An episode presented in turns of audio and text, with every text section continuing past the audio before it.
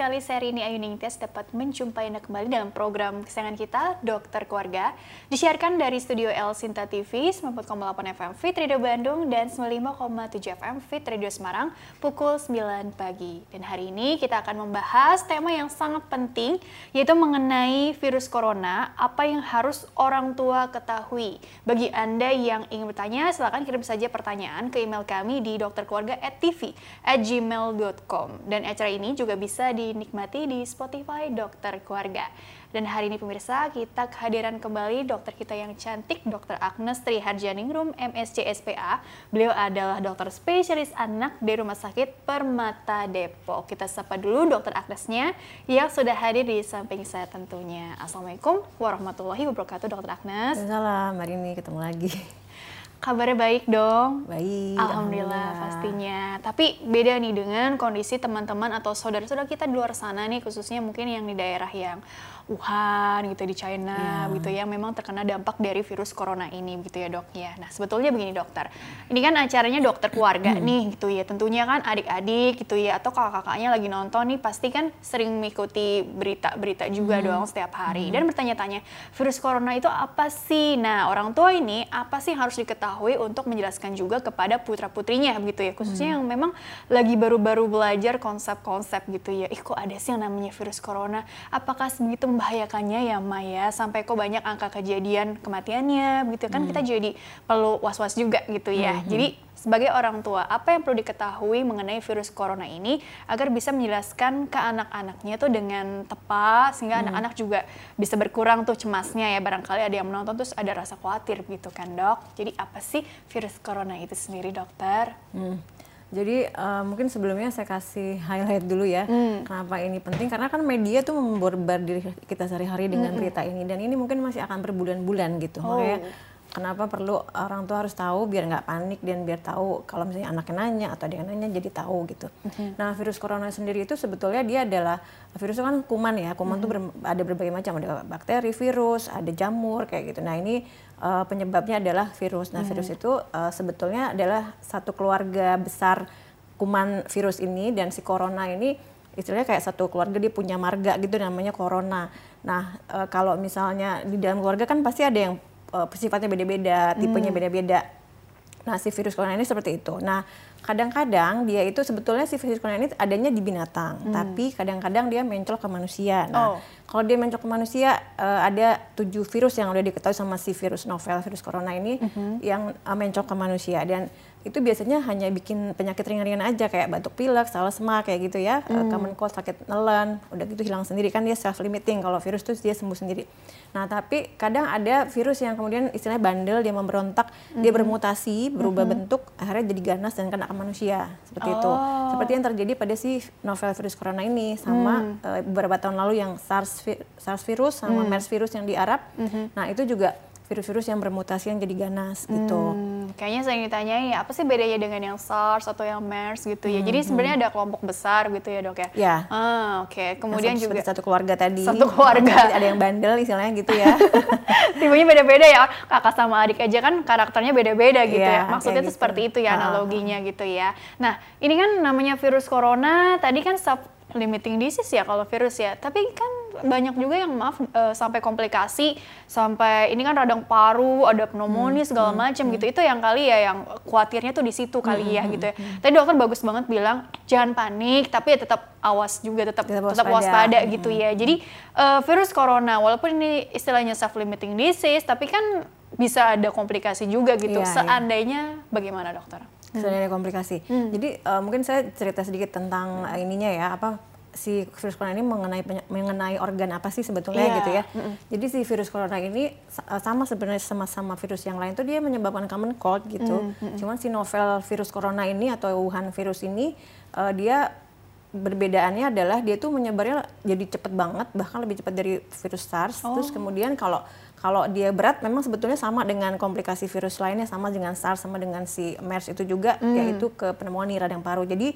infeksi saluran pernafasan akut itu ada dua kan, atas sama bawah. Hmm. Kalau atas tuh dia dari tenggorok eh dari hidung ke tenggorokan, kalau bawah hmm. dari tenggorokan ke paru-paru. Nah, hmm. biasanya dia akan mengenai atas dulu. Nah, tergantung daya tahan tubuhnya. Kalau misalnya hmm. daya tahan tubuhnya jelek dia akan jadi ke bawah tuh. Oh. Nah, ke bawah jadi pneumonia. Nah, kalau apalagi kalau yang di novel virus corona ini yang meninggal-meninggal itu kan kebanyakan yang udah punya uh, faktor resiko ya. Jadi kayak dia hmm. punya penyakit diabetes atau uh, penyakit yang lainnya yang berat akhirnya dia nggak uh, nggak tahan daya tahan tubuhnya dia meninggal mm-hmm. gitu. Oke, okay, jadi ini memang uh, istilahnya tuh common cold gitu ya. Jadi istilahnya apa demam, batuk, pilek, flu mm-hmm. biasa gitu mm-hmm. kan. Infeksi saluran pernafasan yang akut gitu ya mirip-mirip mm-hmm. seperti itu. Terus artinya kalau tergantung daya tahan tubuhnya juga ya. Kalau misalnya tadi memang dia ada faktor penyerta ada diabetes atau memang mm. lagi lagi ya lagi drop aja gitu mm-hmm. ya itu bisa resiko komplikasi juga gitu ya dok ya, ya ke ke bawah ke tadi. Pneumonia berat itu. Pneumonia, pneumonia berat gitu ya. Terus gini, uh, karena memang tadi resiko komplikasinya dan juga tadi banyak berita gitu, kita terus-terusan uh, apa ya menerima informasi begitu ya tiap hari. Tapi tadi kan jangan panik gitu ya, karena uh, walaupun ini ada resiko komplikasi ke arah sana, seandainya ditangani dengan tepat dan cepat kan gak sampai ke arah situ juga kan dok. Artinya bagaimana juga ya dok, uh, pengertiannya berarti kita harus paham dulu gejalanya gitu ya, dan kemudian penanganan di awalnya juga kali ya seperti apa begitu? Mungkin yang pertama yang uh, people at risk kali ya, orang-orang hmm. yang berisiko. Maksudnya hmm. kenapa kita jangan panik karena ini kan hanya mengenai orang yang berisiko, apalagi oh. si Wuhan yang virus ini gitu ya. Mm uh, itu berisiko pada orang-orang yang memang pernah ke Cina. Mm sama orang yang kontak dengan orang yang punya penyakit itu mm. gitu. Jadi kalau nggak punya penyakit itu sih kita akan kena penyakit biasa kayak sehari-hari common cold itu mm -hmm. juga banyak anak uh, Indonesia yang kena penyakit pneumonia dan meninggal gitu. Oh. Itu kasusnya bahkan banyak banget gitu. Mm -hmm. Itu mhm. sebenarnya mirip seperti itu gitu. Mm -hmm. Cuman bedanya ini kalau misalnya kita ada kontak dengan uh, si orang-orang yang pernah ke Cina dan Riwayat uh, riwayatnya pernah ada, nah itu jadi beresiko. Jadi beresikonya apa? Karena uh, si virus ini tuh belum diketahui, masih banyak misterinya gitu loh. Jadi uh, agak serem kalau kita kena penyakit ini karena uh, peneliti belum tahu detail tentang si virus ini kan virus baru kan. Mm -hmm. Nah, jadi seberapa seberapa cepat uh, penyebarannya yang tadi terus kemudian katanya ada yang orang nggak bergejala tiba-tiba uh, sebenarnya dia kena virusnya terus hmm. dia bisa mm. menyebarkan juga sama orang lain itu kan lebih serem gitu lagi ya? gitu uh, bisa menyebarkan padahal dia nggak kena penyakitnya gitu hmm. nggak ada gejalanya gitu tapi hmm. ternyata dia berpenyakit dan itu dia bisa menyebarkan orang lain dan kita nggak tahu kan nah, hmm. nah itu yang lebih bahaya lagi jadi penyebarannya bisa banyak banget gitu karena mungkin dia daya tahan tubuhnya kebetulan lagi kuat gitu ya uh, tapi virusnya tetap masuk tetap masuk di tapi tubuh. dia kuat jadi dia nggak bergejala nah hmm. seperti itu itu yang masih banyak misteri dari si uh, virus ini dan hmm. namanya lagi ada outbreak atau wabah itu hmm. kalau nggak tertangani kan makanya si WHO sampai bikin statement ini udah global uh, emergency gitu oh. karena uh, kalau dia sampai nanti kena ke negara-negara berkembang yang belum siap fasilitas kesehatannya itu hmm. akan merugikan banget sih negara itu gitu. Tapi di Indonesia sendiri belum ada atau Alhamdulillahnya belum ada. Belum baru kan, ya? kemarin saya baca sih ada satu kasus di Manado ya, hmm. tapi itu juga baru suspek. Hmm. Kemudian satu WNI Singapura. Oh iya WNI uh, Singapura ya, gitu ya. Itu. Tapi kalau yang di Manado ini kan suspek gitu ya. Mudah-mudahan uh, aja baru sih. suspek ya. Dia orang ya? Uh, orang Wuhan yang lagi. Oke. Okay. Uh, Jadi memang uh, tidak lantas langsung mengambil kesimpulan buru-buru ya. Jadi memang harus dilihat dulu riwayatnya. Tadi ada kontak dengan yang si karirnya ini atau enggak gitu ya. atau mungkin ada riwayat traveling ke Wuhan iya. sebelumnya yeah. atau provinsi-provinsi di China yang mm -hmm. lain atau mungkin negara-negara yang memang kebetulan ada orang yang memang ya, terjangkit betul. virus tersebut gitu kan maksudnya dok ya? Ya karena memang hmm. sekarang ditemukan juga bahwa penurunannya bisa dari manusia manusia itu yang oh. yang yang baru gitu dan hmm. dia nggak pernah ke Wuhan tapi tiba-tiba dia kena nah, itu kan yang di Singapura yang di uh, Thailand kayak gitu ceritanya nah hmm. itu artinya kita juga agak serem kan gitu hmm. Berarti walaupun kita nggak ke sana kita masih bisa kena tapi hmm. memang harus ada kontak sama si orang yang terinfeksi. Gitu. Tadinya hewan ke manusia terus manusia ke manusia gitu hmm. ini hewannya hewan ini yang nah, di ini, pasar uh, kalau ya? penularannya hmm. uh, memang karena si corona ini kan uh, dia ada di hewan. Nah, uh. dia di hewan terus kemudian misalnya nih orang yang lagi di pasar itu di pasar hewan di Wuhan itu dia uh, beli uh, apa beli makanan mentah atau makan makanan hmm. mentah kayak hmm. gitu.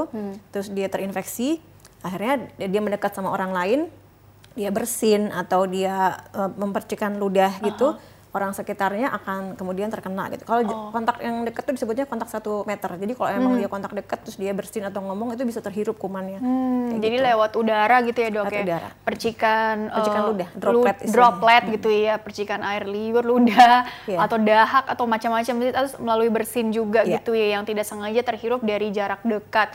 Oh, kirain kumannya, eh bakteri atau apa tadi? Virus. Virusnya ini bisa mati di udara dalam waktu cep- cepat enggak ya dok ya? Nah, ini juga masih misteri sih karena ini baru tapi eh, diperkirakan dia mungkin mirip sama virus yang sebelumnya yang SARS. Jadi kalau virus SARS itu dia eh, katanya sih cu- eh, cuman bisa 6 feet 6 kaki jadi 1 1,8 meteran. Udah gitu dia hanya bisa bertahan sekitar beberapa jam di luar gitu. Oh, masa inkubasinya sendiri bagaimana dok? Ketika eh, maaf maaf nih gitu ya si orang ini terhirup gitu ya, terus 14 kan hari.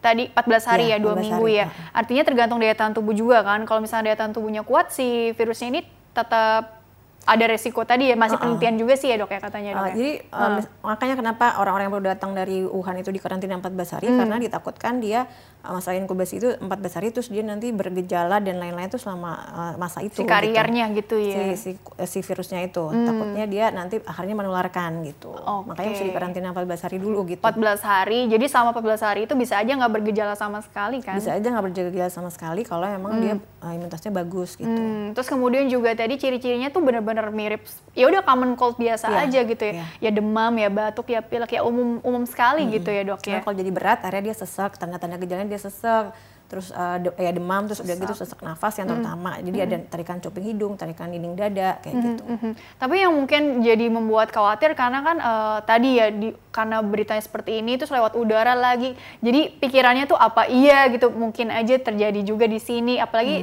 tapi tadi garis bawah di garis bawahi kan eh, kalau memang ada riwayat traveling sebelumnya ke daerah yang tadi tersebut atau mungkin ada orang dari luar datang misalkan dari mana tuh dari luar negeri pulang Cina. kampung gitu ya. pulang kampung. Cina. Iya, terus kemudian ya itu baru yang perlu dikhawatirkan dia. juga Ya, gitu ya, ya. dok ya. Tapi kalau di luar itu sih mudah-mudahan sih kemungkinan yang lain gitu kan. Iya, Karena pneumonia biasa. pneumonia biasa. Jadi memang Maksudnya kalau dilihat dari diagnosis bandingnya ini mirip-mirip dengan apalagi sih dok supaya untuk lebih jelasnya lagi supaya nggak terlalu khawatir juga begitu.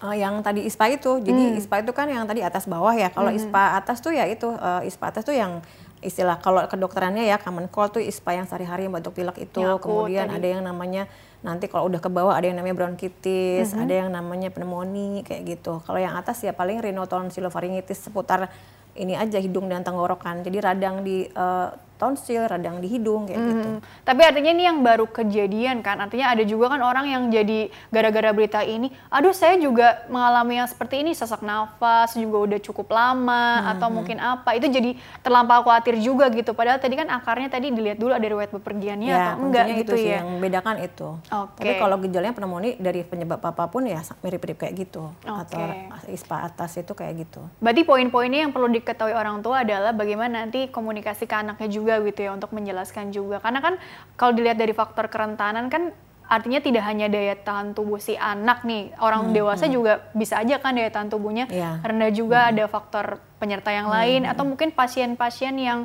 sudah geriatri dal- dalam satu rumah itu juga jadi resiko juga gitu ya. Jadi apa yang perlu diperhatikan juga ya dok ya selain mungkin mencari informasi yang akurat, terus kemudian juga jangan panik, kemudian juga tipsnya kalau seandainya ada keluhan atau mungkin ada rencana bepergian keluar sana yang kebetulan aja dalam waktu dekat, apa yang juga yang perlu digarisbawahi di sini dokter? Uh, jadi kalau misalnya uh, secara umum yang bukan tentang coronavirus ini yang penyakitnya mirip kalau ada batuk uh, lama atau batuk sesak ya itu udah pasti ya bawalah anaknya ke dokter gitu.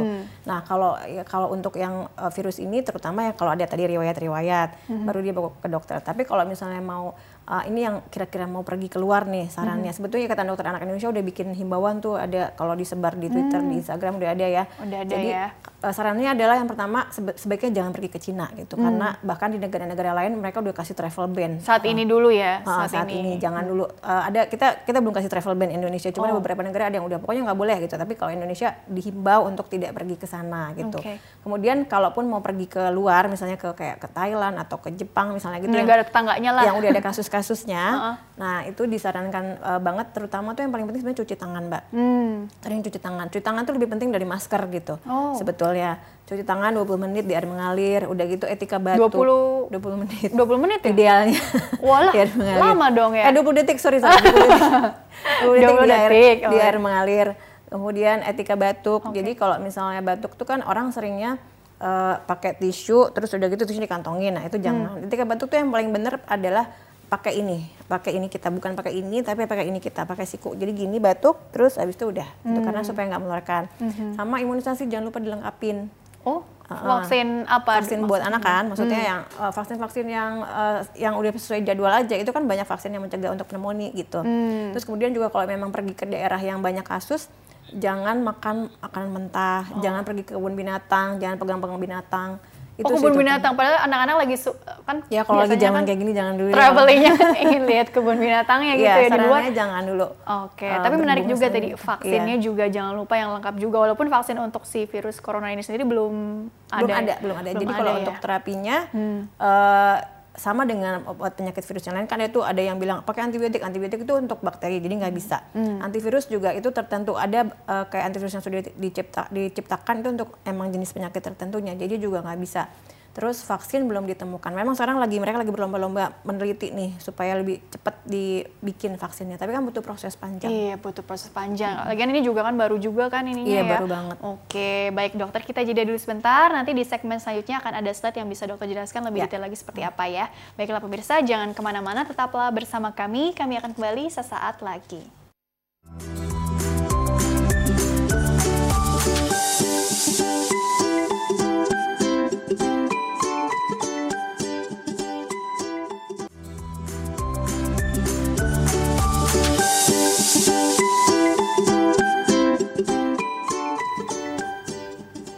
Ya pemirsa, terima kasih Anda masih bersama kami di program Dokter Keluarga. Masih membahas mengenai virus corona, apa yang harus orang tua ketahui ya. Bersama dengan Dr. Agnes Triharjaningrum MSc SPA. Beliau adalah dokter spesialis anak di Rumah Sakit Permata Depok. Dan Dr. Agnes dilanjutkan kembali ya, Ya. mengenai penjelasan virus corona lebih detail lagi akan seperti apa. Ini ada slide yang Dr. Agnes sudah persiapkan dari rumah sakit juga ya. Coba slide-nya satu persatu ditampilkan.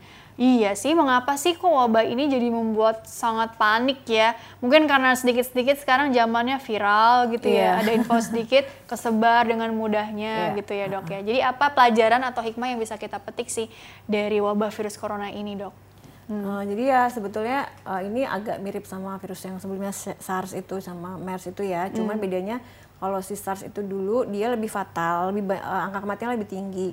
Uh, tapi kalau ini yang baru ini uh, dia menyebarnya lebih cepat banget gitu. Uh, kalau kefatalannya sih lebih fatal SARS. Nah itu dan masih banyak misteri sebetulnya di virus corona ini. Makanya uh, kenapa uh, panik itu jadi harus ditahan jangan jangan panik gitu ya karena berbulan-bulan ke depan pasti beritanya akan masih terus-terusan ada nih gitu jadi uh, kita harus tahu gimana supaya uh, tentang virus ini dan juga supaya tetap waspada tadi nggak usah panik kayak gitu. Karena diprediksikan akan terus maaf meningkat apa sehingga nanti akan terus ada pemantauan seperti itu atau bagaimana Iya ya selama dok ya? belum tertangani dia akan terus akan akan meningkat. Nih uh, uh, banyak bang, uh, update-nya tuh Iya, update-nya. sekarang aja baru berapa uh, hampir sebulan ya.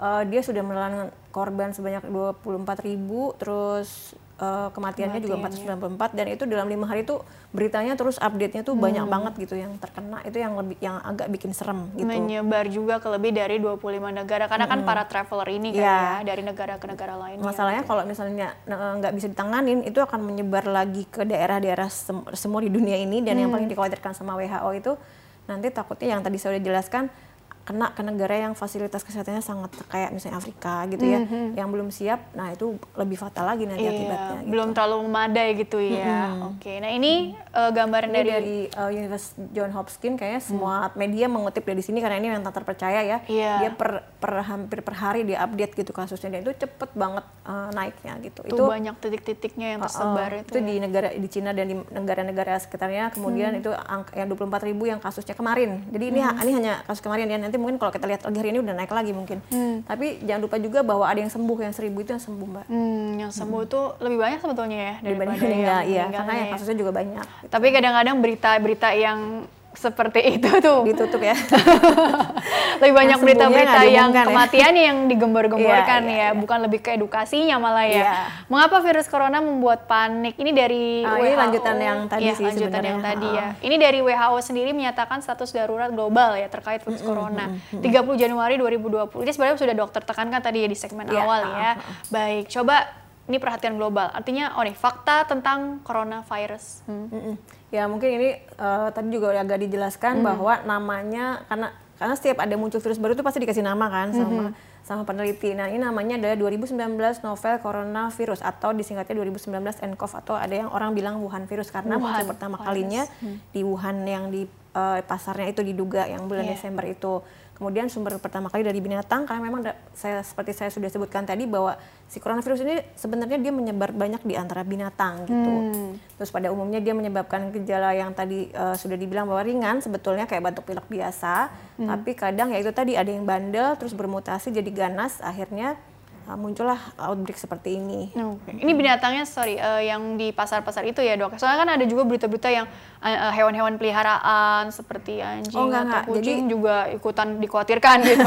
ya Iya kan? betul betul itu banyak hoax jadi jangan percaya hoax bahkan di jur- jurnal yang terbaru pun yang dikeluarkan di Lancet segala macam itu mereka masih ad- ada yang bilang dari kelelawar ada yang bilang dari ular jadi memang belum belum pasti tapi yang jelas eh, bukan eh, yang sehari-hari binatang sehari-hari binatang Iya. kesayangan sehari-hari gitu Iya, oke. Jadi supaya jangan keburu panik gitu ya. Ah, banyak tadi kan broadcast-broadcast gitu ya dok ya. Oke, coba next slide tentang apa? Cara penularannya nih ditekankan lagi dokter. Hmm. Ya, jadi cara penularannya itu ya tadi karena dia dari binatang. Nah, kemudian misalnya tadi kan saya sudah jelaskan juga mungkin dia pas beli ke pasar di Wuhan, kemudian dia kena eh, binatang yang lagi mentah itu yang masih apa makanan yang masih mentah Dagingnya atau gitu, dagingnya daging atau mentah. memang binatang yang baru dipotong misalnya. Kemudian si orang yang terinfeksi, kemudian orang yang terinfeksi ini misalnya ngobrol sama se- sebelahnya berjarak satu meter, Mhm. dia bersin atau dia memercikkan ludah kalau lagi ngobrol kayak gini Mhm. kan kadang-kadang terus akhirnya kena ke orangnya bisa kehirup langsung Mhm. nah itu uh, terjadilah penularan Jadi awal dari kenapa dari hewan ke manusia tuh tadi melalui tadi mungkin yang mentah-mentah tadi. Apa belum terlalu matang Belum diolahnya? terlalu matang atau misalnya dia masih baru dipotong terus kita kena darahnya atau oh, infeksi Mm, gitu ya. makanya sarannya kalau lagi pergi ke daerah sana jangan deket-deket sama binatang yang Mm. atau makan makanan yang mentah daging mentah gitu Oke, atau makan makanan daging mentah tadi gitu ya. Sebaiknya nggak dulu gitu ya. nggak dulu kalau Mm. lagi traveling ke daerah yang banyak kasusnya Cara penularannya tadi tuh melalui batuk, bersin Hmm, gitu ya, macam-macam itu bisa dilihat di gambar sendiri ya. Ya. Oke, itu dari manusia ke manusia. Coba yang selanjutnya penyakit apa yang diakibatkan oleh Hah, pada tahun 2019 nih. Mm-mm. Jadi sebetulnya ini uh, maksudnya ini si 2019 nCoV tuh nama si virus baru ini kan. Nah virus baru ini sebetulnya uh, memberikan penyakit yang sama dengan penyakit yang disebabkan oleh virus corona lainnya gitu. Jadi dia menyebabkan penyakit infeksi saluran pernafasan akut. Nah tadi juga saya sudah jelaskan bahwa ISPA itu ada du- ada dua bisa atas bisa bawah. Kalau atas dari hidung ke tenggorokan seperti misalnya tadi rinitis yang pilek-pilek, terus kemudian amandel orang bilang ya tonsilofaringitis terus kemudian dari tenggorokan ke bawah. Nah ini kalau yang udah lebih berat yang tadi kalau misalnya daya tahan tubuhnya dia nggak uh, kuat akhirnya dia jadi pneumonia uh, terus kemudian jadi pneumonia berat akhirnya meninggal. Biasanya itu kasus yang beratnya. Daya tahan tubuhnya ini jadi lebih rentan tuh biasanya karena memang faktor nutrisinya tadi yang virusnya sendiri juga jumlahnya sangat besar sehingga Hmm. nafsu makannya juga mungkin terganggu juga atau mungkin ada pengaruh-pengaruh lain juga selain tadi penyakit-penyakit penyerta lainnya sih dokter. sebetulnya sih kalau yang anak yang beresiko itu terutama adalah anak-anak dan orang tua di mana imunitas mereka rendah. Sama obat- orang-orang yang lagi minum obat eh, supresan imunosupresan. Nah itu yang terutama tapi yang uniknya di si virus apa virus corona ini kasus kematian itu lebih banyak pada orang tua. Jadi si anak-anak bahkan kasusnya sangat sedikit kan. Sekarang baru ada dua di dunia apa tiga gitu ya saya lupa. Itu sedikit banget ada teori yang bilang mungkin karena anak-anak ini udah terbiasa kena common cold dan mereka kena vaksin masih vaksinnya masih booster masih baru akhirnya mereka terlindungi ada yang bilang kayak gitu tapi belum bisa dibuktikan ada peneliti yang bilang kayak gitu Oh iya, tapi ada duga-dugaan ke arah situ ya dok ya. Oke. soalnya agak aneh kenapa anak nggak banyak anak yang kena kenapa orang tua yang kena dan yang meninggal juga orang tua gitu. Hmm, hmm, hmm. penyakit yang oh ini yang masih kelanjutan yang tadi Ya. gitu ya. Jadi lebih banyak eh, di orang dewasa sih sebetulnya ya dok ya. ya lebih banyak orang dewasa dan laki-laki Tapi orang dewa oh orang dewasa dan laki-laki. Apa karena faktor resiko yang lain misalnya lifestyle-nya dia sering mungkin ya rokok, rokok atau apa gitu Tapi ya, ya. itu tadi masih banyak misteri. Jadi kita ber- masih peneliti juga masih menduga-duga. Iya karena baru juga kasusnya Iya. tadi kan. Oke, tadi komplikasinya bisa ke arah yang pneumonia berat, Pneumonia berat. gitu ya. Apakah virus ini mematikan obatnya? Ya kalau mematikan tadi tergantung dari Mm-mm, Kalau yang kasus, kayak kan ada kasus 494 meninggal sampai kemarin. Nah itu karena dia kena pneumonia berat biasanya. tapi yang sembuhkan tadi kan juga lebih banyak Lebih sebenarnya, banyak, dua iya. kali lipatnya juga gitu ya. Oke, Dan virus ini, ya itu tadi sudah dijelaskan ya, dia self limiting. Sebetulnya belum ada obatnya, belum ada vaksinnya. Jadi eh, kita tetap harus waspada aja. Oke. Oh makanya kan kalau di berita kita sering dengar ada yang di karantina, ada yang diisolasi. Nah ini bedanya itu apa juga? Apalagi kan biasanya anak-anak bertanya-tanya gitu kan. Apa sih bedanya sama apa gitu karantina ya? sama isolasi. Kalau karantina tuh kayak tadi misalnya orang ba- baru datang dari Wuhan, ayo kita karantina 14 hari tuh selama masa inkubasi. Kalau isolasi dia udah disuspek nih, dia jadi udah kena eh, diduga dia kena penyakitnya atau memang dia udah kena penyakitnya, ya dia harus diisolasi di kamar khusus gitu supaya nggak menularkan ke yang lain. Supaya nggak menularkan ke yang lain. Sambil diberikan op, apa Pengobatan. obat-obat Iya, antivirus jadi dia di rumah sakit itu mereka punya kamar iso- isolasi. Untuk khusus-khusus kasus yang infeksi mereka punya sendiri-sendiri itu kasusnya. Oh ya itu alhamdulillah yang kalau yang fasilitasnya tadi memadai gitu ya. Yang Ya. dikhawatirkan kan tadi berkembang terus ke negara Kalau yang, negara berkembang atau negara miskin yang Iya, mereka yang- nggak punya kamar isolasi atau terus eh, SDM-nya juga mungkin iya, bahkan sukarelawannya mendiagnosis juga aja nggak bisa gitu kan Iya. lebih parah Iya itu yang khawatirkan tuh seperti itunya gitu Hmm, ya. makanya jadi WHO jadi bikin global uh, emergency Ancaman global lah istilahnya Ancaman seperti itu global, ya. iya. Di bidang kesehatan tapinya ya oke. Iya. Karena eh tapi bisa merugikan macam-macam kan ekonomi juga oh segala iya macam kan. na- Cina aja udah ambruk kan ekonominya Iya. gara-gara ini Cuma kepanjangan nanti kalau dibahas terus itu. Coba next slide. Karena kita fokus kesehatan aja soalnya kan. Haruskah panik? Em, Oke, bagaimana dokter? Tetap update dan waspada nih. Hmm. jadi ya itu tadi uh, seperti saya bilang bahwa beritanya akan ada terus sampai berbulan ke depan jadi pasti itu bikin kita panik kan apalagi kalau kita mau traveling atau kita kedatangan tamu misalnya dari luar kan. Nah yang paling penting uh, jangan panik tapi tetap waspada. Nah yang paling penting juga jangan kemakan hoax. Hmm. Nah, eh, jadi banyak banget hoax yang tersebar dan kita harus pintar memilih informasi yang terpercaya karena banyak banget dokter ini bilang ini. Nah kita harus bedakan bahwa kalau yang ngomong dokter atau eh, perseorangan itu kita kan ada level-level kepercayaan ya tingkatnya. Oh. Evidence based itu ada level ke- eh, kepercayaan. Kalau orang yang ngomong adalah ahli atau kayak saya begini ngomong ini levelnya paling rendah sebetulnya. Waduh. Kayak gini aja paling rendah gitu ya. Ah, jadi kita harus ah, ada- level pertama tuh dari penelitian yang uh, systematic review yang kayak gitu. Nah terus, nah biasanya sih kayak uh, mak- makanya kenapa kita harus percaya sama yang WHO atau CDC atau IDA itu mereka udah mengumpulkan dari systematic review yang penelitian-penelitian yang paling baru dikumpulkan, Iya, akhirnya mereka bikin guideline. Oke. Nah kenapa kita bisa percaya sama mereka? Jadi percaya sama yang kayak gitu WHO, CDC, IDA kayak gitu. Karena mereka udah baca semua, terus itu dikumpulin, dijadiin guideline. gitu. Mantap. Gitu ya. Jangan mudah percaya dengan hoax gitu yang beredar di Iya. mana-mana di broadcast gini atas nama ini atas nama itu kan Ya, bisa aja betul. gitu. Itu paling lemah. Oke, coba next slide, next slide.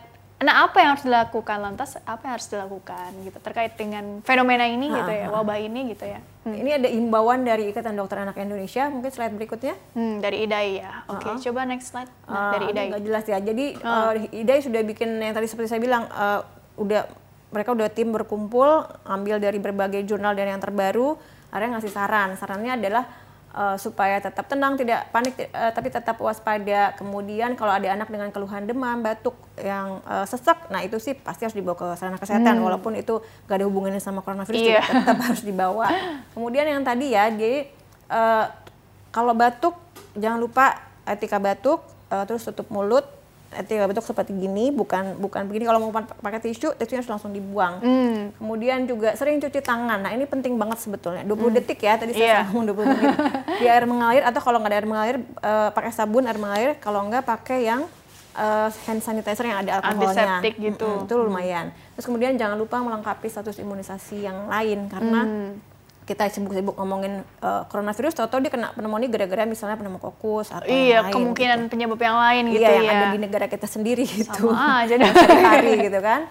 Nah, Oke. terus yang selanjutnya ja- itu memperhatikan informasi yang disampaikan Dinas Kesehatan atau dari Kemenkes gitu. Karena mereka pasti update uh, Hmm. Iya. suasananya. Baik, baik. Coba slide selanjutnya lagi. Kelompok yang dicurigai untuk evaluasi lebih lanjut. Ya, suspek-suspek ini. Iya, nah ini kalau kalau ada yang tamu misalnya dari da- baru datang dari Wuhan, Hmm. nah kita langsung waspada waspada nih. Misalnya kalau deket-deket udah deket, terus kemudian ada 14 hari kemudian ada dalam 14 hari ada gejala, harus lapor ke dokter dan uh, bikin appointment dulu kayak gitu. supaya dokternya juga prepare gitu di rumah sakit dia prepare kalau ada kedatangan pasien yang kayak begini gitu jadi nggak menularkan lagi. Malah katanya apa sih kalau ada riwayat seperti itu kan ada kartu khusus gitu Ya, ya. Jadi kalau tiba-tiba, eh bukan tiba-tiba juga sih, eh, kemudian merasakan gejala itu, terus kemudian juga ada riwayat seperti itu dan ada kartu khusus langsung buru-buru lapor kan supaya Iya. nanti follow up-nya seperti apa gitu kan ya. soalnya kebayang kan kalau misalnya dia datang ujuk-ujuk gitu dokternya nggak pakai masker nggak semuanya pada Datang nggak ujuk-ujuk ya. itu serem kan maksudnya bisa menularkan ke yang lain yang Iya. cepat gitu Benar-benar. Jadi pedulikan orang lain ya, jangan sampai Iya. jadi ikut terkena dampaknya juga jangan nih. egois kalau misalnya Jangan punya egois. Hmm. keluhan apa-apa terus apalagi dari Cina terus di, dikekep sendirian gitu Wah. karena malu misalnya gitu jangan Iya, jangan disimpan juga ya yang Iya. kayak gitu-gitu ya. Oke, coba slide selanjutnya tentang apa? Mana ini himbauan untuk traveling dari Iya, Idai ya, uh-uh, dari Idai. uh, tadi juga sudah disinggung. Jadi Hmm. Uh, kalau nggak mendesak banget sebaiknya jangan pergi ke Cina. Tapi kalau mau pergi ke daerah yang banyak kasus juga harus hati-hati. Hmm. Ya itu tadi saya sudah bilang uh, hindari kontak dengan hewan, baik hidup maupun mati, pasar hewan, kemudian uh, daging yang tidak matang atau ikan Hmm. Pasar yang ikan tidak atau matang. apa kan kan, banyak tuh ya kuliner atau apa di Jepang, sana iya. ya kan. kalau terutama anak-anak nih uh, kalau bisa jangan dulu dibawa ke sana. Kemudian Hmm. uh, hindari kontak dengan orang sakit apalagi anak-anak kan imunitasnya masih rendah sakit apa pun juga kita kalau bisa jauh-jauh lah dari orang sakit ya Hmm. Oke. kemudian yang melengkapi status imunisasi dan yang tadi cuci tangan cuci tangan cuci tangan itu penting banget Oke. lebih penting dari pakai masker Malah ada beberapa orang tua mungkin yang ada pertimbangan apa tiketnya di refund aja atau Nah, apa iya. gitu ya. Mungkin itu bisa jadi salah satu Jadi salah opsi satu juga ya. iya. Ditunda dulu lah gitu penting-penting ya. Hmm. banget apalagi kayak ke tempat yang kasusnya udah banyak nih di Thailand di Singapura ya di Jepang juga udah banyak Walaupun mungkin iya padahal mau musim semi nih mau lihat sakura atau apa misal tapi ya ditahan dulu atau apa gitu. Bisa jadi pertimbangan juga Iya, kali ya. kalaupun memang udah kepaksa banget ya itu tadi ikutin travel ikutin eh, tips-tips yang ini, tadi ya. ya. Oke, baik slide selanjutnya lagi. Ah, memakai masker. Bagaimana dok? Perlu nggak sih? Nah. Ya perlu lah ya. Nah ini Atau yang bagaimana? eh, sebetulnya eh, kayak agak lebay nih Agak masyarakat lebay. eh, banyak yang agak lebay. Jadi kan masker tuh ada dua ya, masker bedah sama N95. N95 itu yang lebih mahal yang engap gitu istilahnya. Kalau Oh. kita pakai tuh bisa susah Pengap, bernafas eh, gitu. pengap ya, Nah, benar. eh. Nah ini ada dua. Nah ini yang eh, sehari-hari kita pakai kan yang masker bedah tuh. Hmm. Sebetulnya dia nggak akan melindungi si partikel yang sangat kecil ini untuk masuk gitu. Hmm, Jadi sebetulnya udah di pen- eh, WHO sama CDC ini menurut WHO sama CDC mereka udah bikin penelitian eh, itu hanya efektif untuk eh, kalau orang sakit yang make supaya dia nggak tertular lebih banyak gitu. Jadi Hmm. sebetulnya secara global eh, nggak perlu pakai masker juga nggak apa-apa kalau di daerah kayak kita gini yang nggak lagi outbreak nggak ada kasusnya bahkan Hmm, kecuali kalau di Wuhan ya pasti mereka akan semua pakai masker karena banyak orang sakit. Jadi intinya disarankannya pada orang yang orang yang sakitnya yang pakai masker, kemudian tenaga kesehatan gitu. Kalau orang kita sehari-hari apalagi di kasus yang jarang eh, nggak ada kasusnya, sebetulnya aman-aman aja gitu. Oke, begitu ya. Coba slide berikutnya lagi tentang apa? Nah ini. Ya ini sih eh, intinya yang tadi jangan panik tapi tetap waspada. Semoga kita tetap eh, selamat dan selalu sehat. Amin ya Allah gitu ya. Berdoa juga jangan lupa ya. Iya. Oke. Sekarang kita masuk ke pertanyaan dari email dulu ya. Ya. Jadi bagi pemirsa yang ingin bertanya via email, silakan kirim saja pertanyaan ke email kami di dokterkeluarga@tv@gmail.com. Format lengkapnya di bawah ini. Nama, usia anak Anda, serta tempat tinggal Anda ya. Baik, pertanyaan pertama dari Ariul dari Jakarta. Dokter, apabila anak sudah divaksin BCG dan PCV atau pneumokokus katanya, apakah bisa sekalian untuk mencegah penyakit saluran pernafasan karena virus corona ini, dokter? Terima kasih. Nah, eh, tadi mungkin juga disinggung ya. Jadi sebetulnya untuk coronavirus yang novel ya, yang novel yang baru ini, ini belum ditemukan vaksinnya. Kalau misalnya eh, untuk yang penyakit sehari-hari, eh, batuk pilek sehari-hari itu ada vaksin influenza itu kan, itu untuk eh, flu itu juga eh, jenis-jenis kumannya juga beda-beda gitu. Nah, apalagi tadi BCG, BCG itu untuk TBC. Terus kalau misalnya yang eh, pneumococcus, PCV. PCV itu buat kuman uh, pneumococcus. Jadi masing-masing udah ada uh, jenisnya masing-masing. Jadi nggak bisa kita hantam semuanya buat satu si virus ini gitu. Oke, beda-beda lah gitu Beda-beda. ya. Tapi kalau ini buat jawab secara umum ya dok ya, artinya nggak mau dia di Indonesia, mau di Wuhan atau di negara-negara lain, kalau memang dia terkena virus ini gitu ya, tapi dia sebelumnya mungkin udah vaksin BCG atau pneumococcus gitu ya, kemungkinan untuk eh, apa? Artinya menghindari si komplikasinya ini atau apa sih gitu? Fungsi Kalau dari si si vaksin vaksin vaksin ini. Kalau hmm. si vaksin vaksin ini ya akan menghindari dari uh, penyakit berat, penyakit kayak BCG dia akan kalau dia disuntik vaksin BCG dia akan terhindar dari penyakit uh, berat TBC. Hmm. Kalau PCV dia nanti akan terhindar dari pneumonia yang disebabkan oleh bes, uh, pneumococcus. Hmm. Tapi kalau misalnya dia ke Wuhan, uh, ya si vaksin vaksin yang sebelumnya ini nggak akan melindungi dia karena uh, beda jenis walaupun sama-sama pneumonia tapi yang satu karena pneumokokus kalau iya, yang ini betul. karena virus corona iya. jadi beda beda sasaran. Jadi kalaupun tadi ada sarannya untuk melengkapi vaksin untuk si anak, ini untuk paling nggak untuk daya tahan tubuhnya aja gitu ya? Uh, untuk karena kumannya kan ada di mana-mana mbak. Hmm. Jadi kita misalnya pergi ke Jepang, ke Thailand, itu kan tetap aja pneumokokus ada, tuberkulosis ada. Di Jepang sih nggak ada mungkin ya di Indonesia terutama tuberkulosis. Tapi kayak uh, kuman-kuman yang lain tuh selalu ada di mana-mana gitu. Jadi uh, nanti jangan-jangan nggak kena coronavirus, kena kena kena yang pneumokokus gitu iya, kalau kita nggak imunisasi PCV Ter gitu. Kita fokus-fokus terlalu fokus ke coronavirus, eh nggak taunya kemungkinan yang lainnya malah yang iya. kena itu gitu ya. Karena emang angka kematian pneumonia di Indonesia buat anak masih tinggi karena penyebab-penyebab iya. yang tadi. Betul betul. Oke baik. Pertanyaan selanjutnya dari Bapak Bahri, dokter anak saya waktu kecil kena TB paru dan minum obat satu tahun. Terus sekarang dia juga kalau ke tempat dingin hidungnya gampang meler karena alergi dingin memang. Hmm, hmm. Yang ingin saya tanyakan, bila terlanjur terlanjur nih ya katanya sudah ada rencana berlibur keluar hmm. apa langkah-langkahnya agar terhindar dari virus corona oh tadi sudah ya sebetulnya ya hmm. terutama untuk saya ini dok terutama untuk anak saya ini dokter sekarang usia dia 10 tahun hmm. untuk antisipasi kami sudah siapkan bawa masker terima kasih eh malah masker tadi nggak terlalu ini hmm. ya dok ya hmm. mungkin perlu ditekankan lagi ya dok ya. hmm. ya ada bedanya nggak sih ketika bawa bayinya masih usia mungkin batita atau balita atau hmm. mungkin anaknya sudah mulai gede gitu ya atau hmm. remaja hmm. tentunya kan daya tahan tubuh juga akan berperan di sini yeah. ya hmm. tapi paling tidak dengan riwayat pernah TB paru terus ada rencana keluar juga, hmm, ada alergi hmm. juga, bagaimana? Mungkin ini pertanyaan ada tiga ada tiga hal yang bisa digarisbawahin ya. Hmm. Uh, jadi yang pertama dia pernah TB, tuberkulosis tuberkulosis itu penyakit yang menular. Hmm. Tapi kalau dia diobatin ya udah sembuh gitu. hmm. gitu. Nah, yang kedua dia katanya ada alergi meler-meler. Nah, kalau ini penyakitnya turunan biasanya kayak hmm. dia punya ato, lewat atopi, jadi dia uh, bersin-bersin pagi atau gampang meler itu penyakit alergi. Nah, itu obatnya juga lain lagi.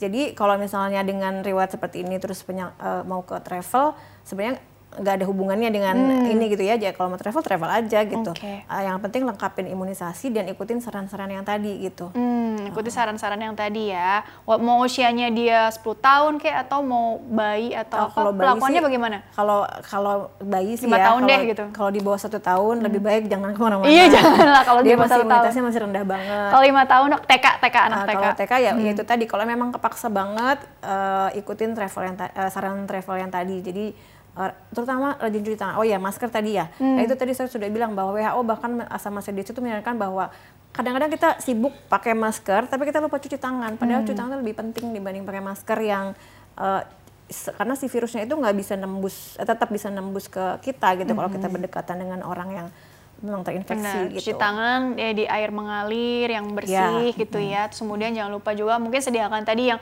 hand sanitizer ya. tuh perlu juga ya. Hmm. Kalau nggak ada air. Oh iya kalau nggak ada air ya. Tapi kalau ada air sebaiknya air gitu ya. Air pakai ya. sabun. Ya. Mengalir tadi. Sela-selanya jangan lupa. Enam langkah sebetulnya. Oh, mau dibahas lagi ntar kepanjangan lagi. Kita jeda dulu ya. Nanti ya. lanjutkan di segmen terakhir ya dok ya. Baiklah pemirsa jangan ke mana-mana. Tetaplah bersama kami. Kami akan kembali sesaat lagi.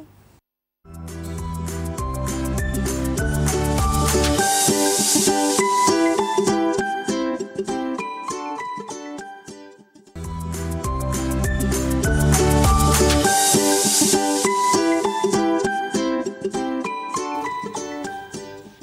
Ya pemirsa terima kasih Anda masih bersama kami di program Dokter Keluarga. Masih membahas mengenai virus corona Apa yang harus orang tua ketahui. Bersama dengan Dr. Agnes Triharjaningrum MSc SPA Dokter spesialis anak di Rumah Sakit Permata Depok. Dan Dr. Agnes melanjutkan kembali ya. Jadi tadi jadi makin penasaran. Katanya mau ngejelasin tapi kepanjangan nggak ya waktunya? Tapi nggak apa-apa singkat aja dok. Atau mungkin arahannya aja ya kalau membersihkan tangan tuh nggak yang sebentar terus iya. udah gitu ya. Sebetulnya ada enam langkah cuci tangan WHO tuh. Nanti bisa googling hmm. uh, ya apa namanya caranya gimana intinya kayak kayak gini sih mungkin bisa sebentar ya satu yeah. dua tiga empat satu dua tiga empat satu dua tiga empat terus satu dua tiga empat terus satu dua tiga empat satu dua tiga empat kayak ya gitu enam langkah. Keren banget dokter hafal banget. oh harus kalau kita sih harus ya. Jangan lupa sela-sela jari gitu ya, Iya, dok ya. Terus kuku kan ada yang kukunya Ya panjang. makanya ada gerakan seperti ini. Nah, itu juga untuk membersihkan. Pokoknya bisa dicari tahu sendiri lah ya di Google aja Google hand aja. hygiene WHO. Oke, oke, mantap. Terus selain itu gini, eh, melanjutkan tadi ya, karena pertanyaannya kan banyak yang mungkin ada rencana traveling keluar, ya mungkin yang ke Wuhan juga lah, tapi Iya. ke tadi Thailand atau Jepang atau negara apa Singapura tuh? bahkan. Singapura atau Asia Timur gitu kan Iya, iya. banyak aja kan gitu. Jadi sebenarnya apalagi yang bawa anak-anak, mungkin anaknya yang gak yang anak-anak kecil banget Hmm, ya, maksudnya anaknya udah anak sekolah gitu ya. Tapi pada intinya tadi tips-tipsnya juga menjaga daya tahan tubuh dari dalam, Hmm. entah itu mungkin dari pola makannya atau mungkin perlu suplemen tambahan. Barangkali gitu ya namanya juga mau prepare ke sesuatu yang tadi Hmm, tempat-tempat yang ada suspek juga gitu ya mungkin juga tips selama di sana juga bagaimana Hmm. Jadi sebetulnya kalau misalnya kasusnya banyak di negara itu, saran saya sih sebaiknya mendingan anak-anak sih jangan pergi ya, mendingan tunda gitu. Maksudnya karena kan kalau itu sekarang eh, teorinya bisa human to human kan. Nah tapi kalaupun tadi memang kepaksa banget mau pergi, udah nggak bisa di cancel dan mau pergi ya udah. Jadi yang paling penting pertama tadi ya eh, cuci tangan jangan lupa. Kemudian kalau dia batuk, eh, etika batuk, kemudian imunisasi dilengkapin. Uh, kemudian juga yang kalau soal makanan sebetulnya asal kita udah makan bervariasi sehari-hari lengkap sayuran, buah, uh, protein, karbohidrat semua lengkap sih insya Allah tubuhnya udah tercukupi ya, udah lebih tahan. Tapi intinya makin kecil anak dia imunitasnya makin rendah. Jadi kalau udah terlanjur pesen tiket apalagi anak-anak balita ini mendingan dipikir dua kali. Tapi kalau anak lebih besar mungkin bisa lebih dipertimbangkan. Kalau lagi sakit uh, harus pakai masker tadi karena itu uh, sangat lumayan untuk mencegah penularannya karena kan dia tertutup jadi buat dia sendiri gitu. Daripada nggak pakai masker. Dan jangan deketin orang yang lagi sakit terus kemudian juga bikin itinerary jangan ke kebun binatang sebaiknya karena apa terus juga jangan uh, bikin itinerary makan uh, sushi atau apa yang mentah-mentah lah gitu jangan dulu gitu ya yang mentah-mentah jangan dulu apalagi gitu ya. setengah matang juga jangan dulu gitu Oke, kurang lebih seperti itu. Atau mungkin tadi jangan lupa juga tadi eh, vaks. Kalau yang untuk orang tuanya di dokter fokus ke anak, eh nggak taunya orang tuanya malah jadi kelupaan ini buat tambahan aja supaya kan orang tua juga menjaga kesehatan tubuhnya juga. Eh, vaksin yang mungkin perlu dilengkapi apa influenza atau apa gitu barangkali. influenza mungkin ya kalau buat Hmm. orang uh, dewasa influenza uh, biasanya kan semua udah lengkap tinggal booster-booster kan kalau dewasa tuh hepatitis B kalau yang belum dulu bisa dilengkapin influenza terus kalau mau ke Mekah misalnya Hmm. itu harus banget uh, meningococcus sama influenza sama Hmm. IPV juga perlu untuk anak-anak uh, dilengkapin aja. Mhm. An- Sis- intinya tergantung dari lokasinya juga. Bila perlu tadi ikuti perkembangan berita dari sumber-sumber yang akurat. Yang terpercaya. Iya, cari tahu juga eh, kira-kira di sana tuh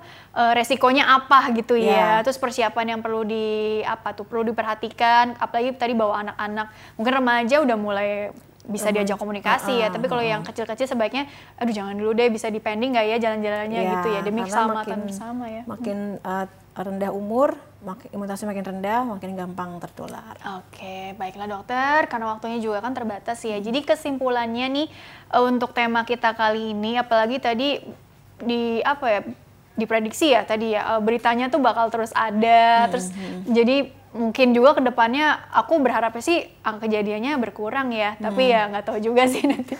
tapi pada paling tidak tuh apa yang perlu digarisbawahi lagi sekaligus closing statement dari dokter singkat Oke. saja.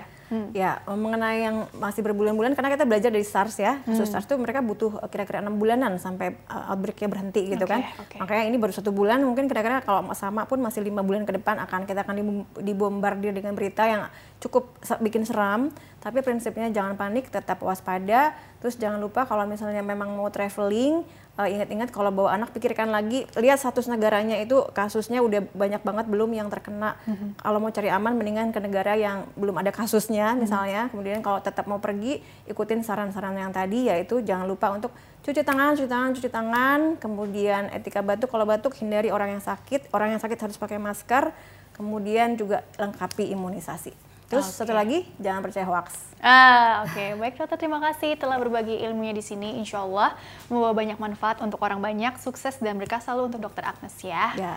Baiklah, pemirsa, terima kasih juga Anda telah mengikuti program ini. Saya Rini Ayuning Tias, beserta seluruh kru yang tugas mohon undur diri dari hadapan Anda. Terima kasih dan sampai jumpa.